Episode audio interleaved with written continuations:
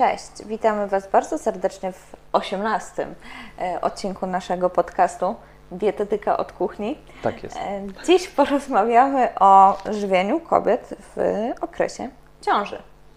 Tak, porozmawiamy sobie o tym. Ja mm, osobiście nie przyjmuję osób, znaczy osób kobiet w ciąży, bo trochę się boję tego tematu i też nie miałem okazji, albo może też nie miałem Mhm. trochę chęci, żeby zagłębiać się bardzo mocno w ten temat. Eee, ale pytanie, czy ty w ogóle przyjmujesz takie osoby? Tak, zgadza się, prowadzę e, kobiety w ciąży. Nie mam taki system pracy ogólnie, że bardzo stawiam na ten taki stały kontakt z pacjentem. I to jest dla mnie ważne, nie, nie tylko jeśli chodzi o kobiety w ciąży, ale także o takich normalnych e, pacjentów, którzy po prostu chcą schudnąć. Ale szczególnie jak trafia do mnie kobieta, która jest w ciąży, no to ja jeszcze bardziej naciskam na to, żeby ona po prostu dawała znać, jak się czuje, e, co u niej, e, jak badania, jak konsultacje z lekarzami i tak dalej, i tak dalej, no bo jednak to jest odpowiedzialność. I no nie powiem, że się tego nie bałam e, i że jakoś nie mam takiego strachu z tyłu głowy. Natomiast jak jest ten stały kontakt, no to ja też jestem w stanie prowadz- wprowadzać na bieżąco jakieś modyfikacje i tak dalej, i tak dalej.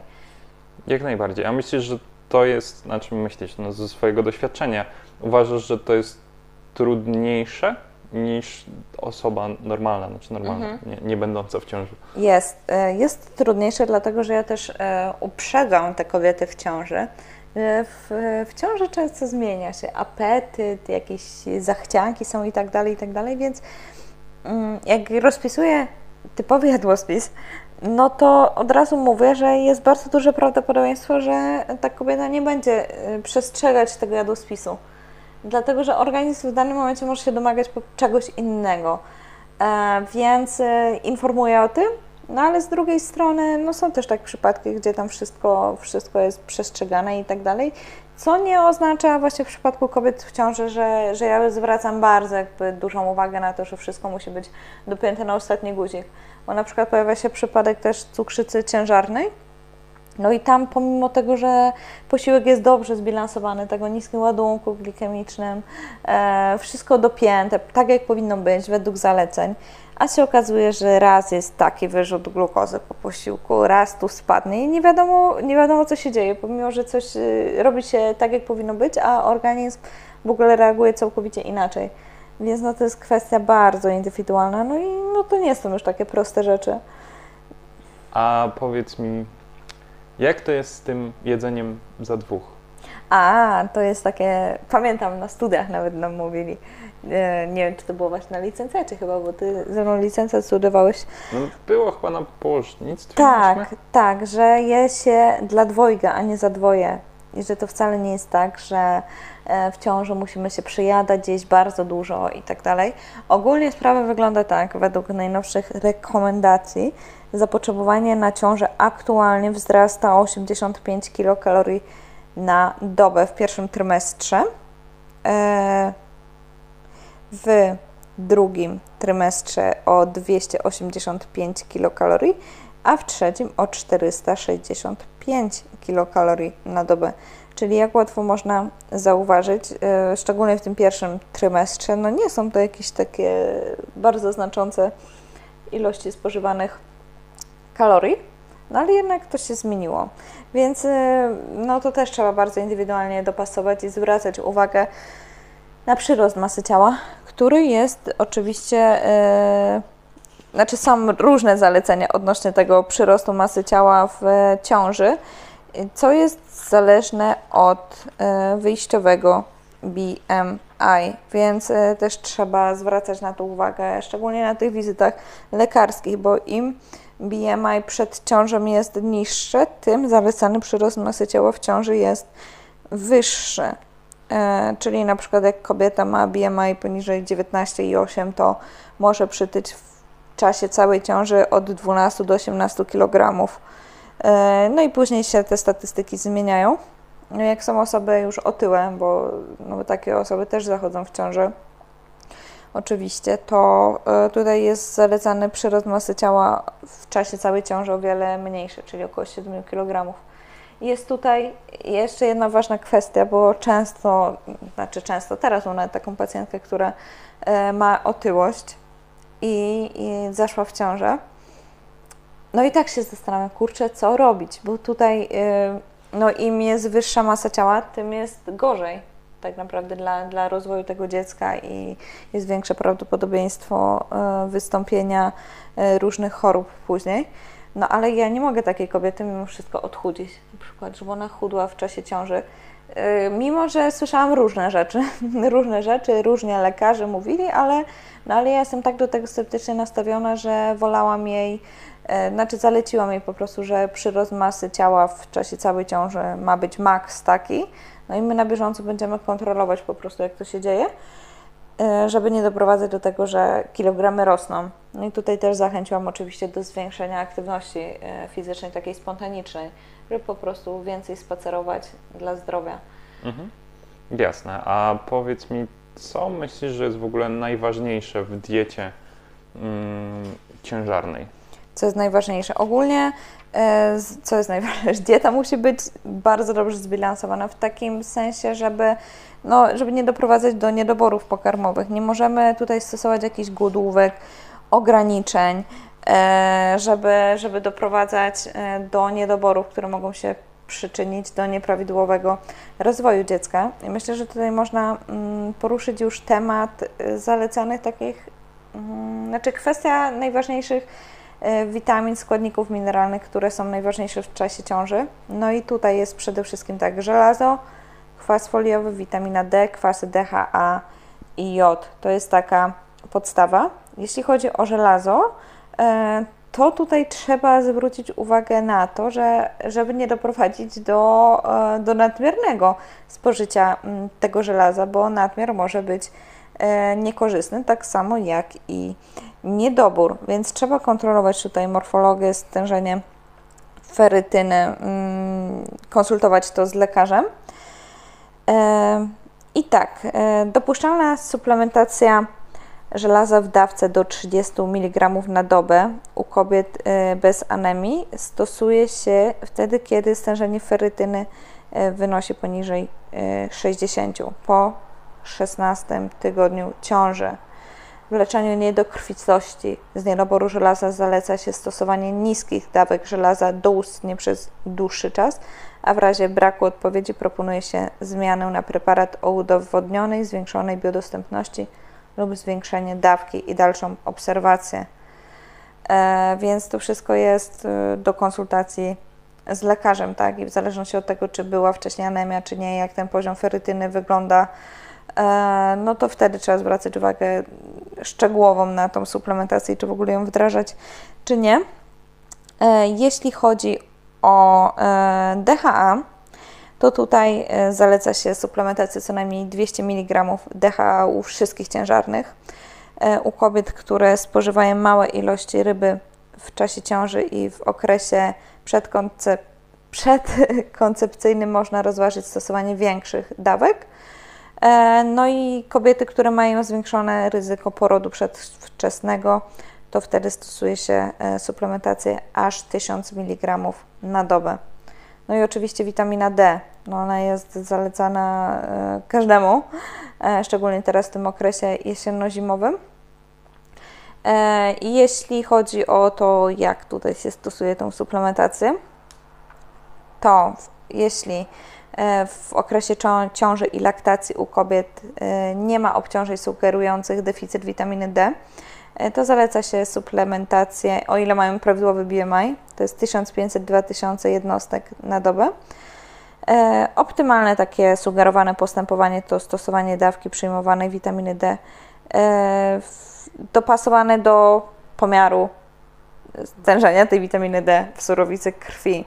No i im jest e, wyższy BMI, to tutaj można rozważyć też o wiele większe dawki, nawet 4000 e, jednostek na dobę.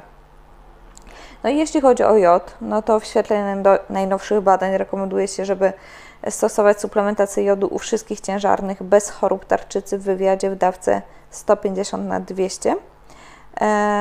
No i u kobiet z chorobami tarczycy suplementacja jodu powinna odbywać się pod kontrolą stężenia hormonów tarczycy i przeciwciał przeciwtarczycowych.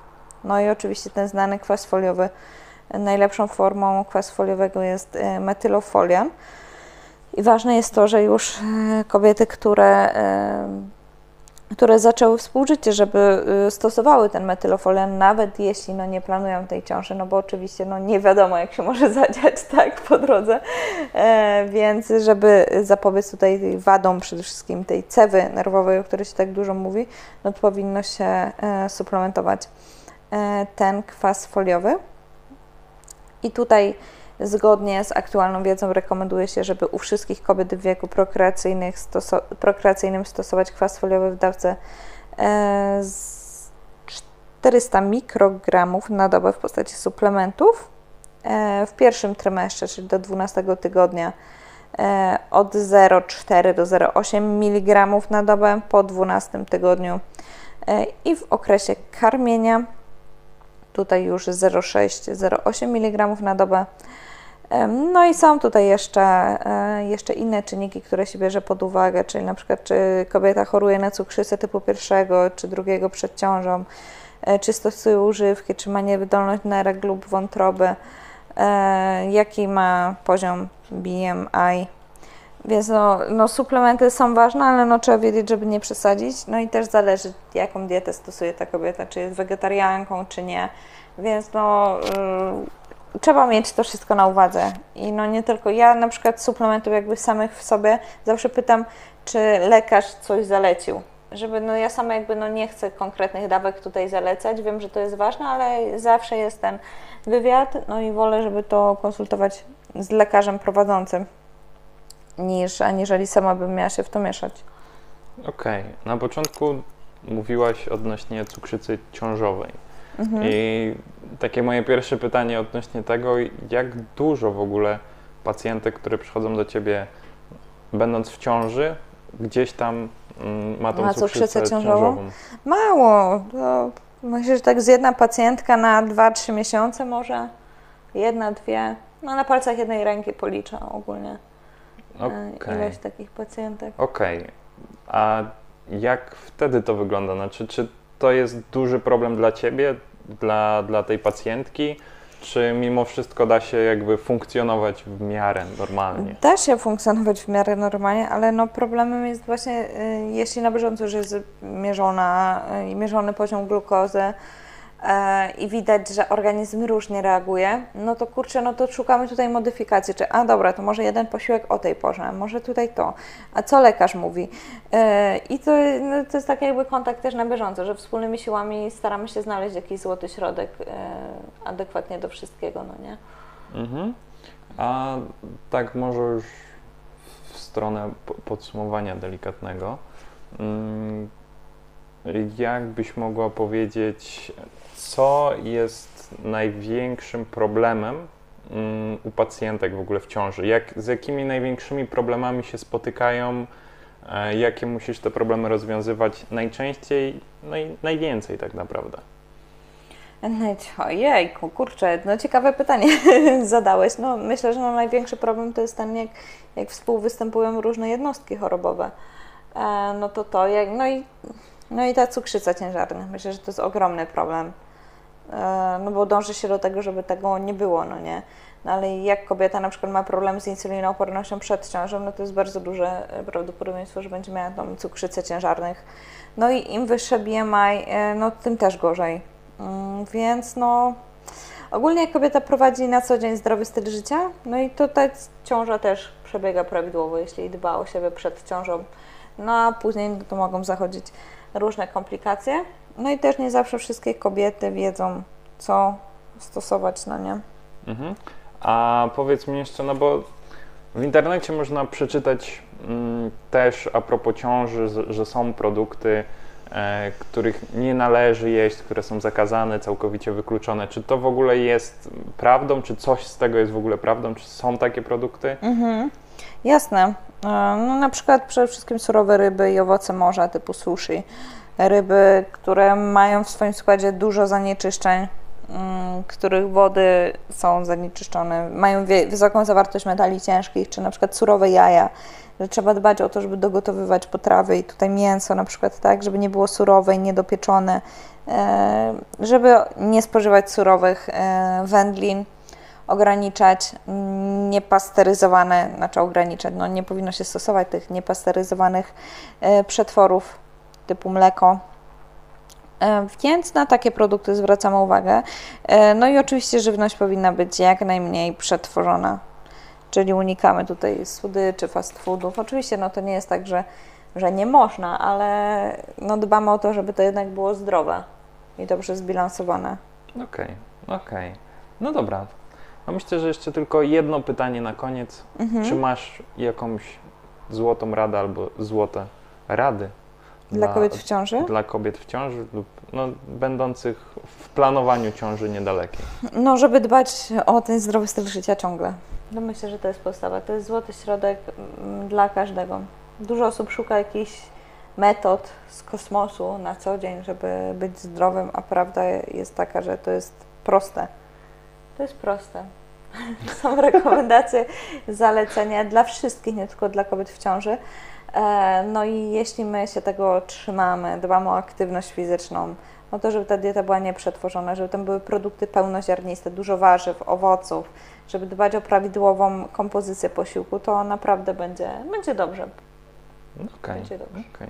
No myślę, że wszystko Chyba takie Pięknie. najważniejsze rzeczy e, powiedzieliśmy. No nie wiem, co tutaj jeszcze, jaki temat można e, poruszyć odnośnie ciąży. Myślę, że najlepiej, jeżeli jakiekolwiek pytania się się pojawią, pojawią. to można nam je zadawać. tak jest. Oczywiście, że tak. Na więc... Instagramikach najłatwiej. Tak. I raczej do ciebie. Ja za dużo nie powiem o, o, o żywieniu kobiet w ciąży. No dobrze, to można do mnie wbijać, więc zapraszam serdecznie. E, No i do usłyszenia w kolejnym odcinku. Do usłyszenia.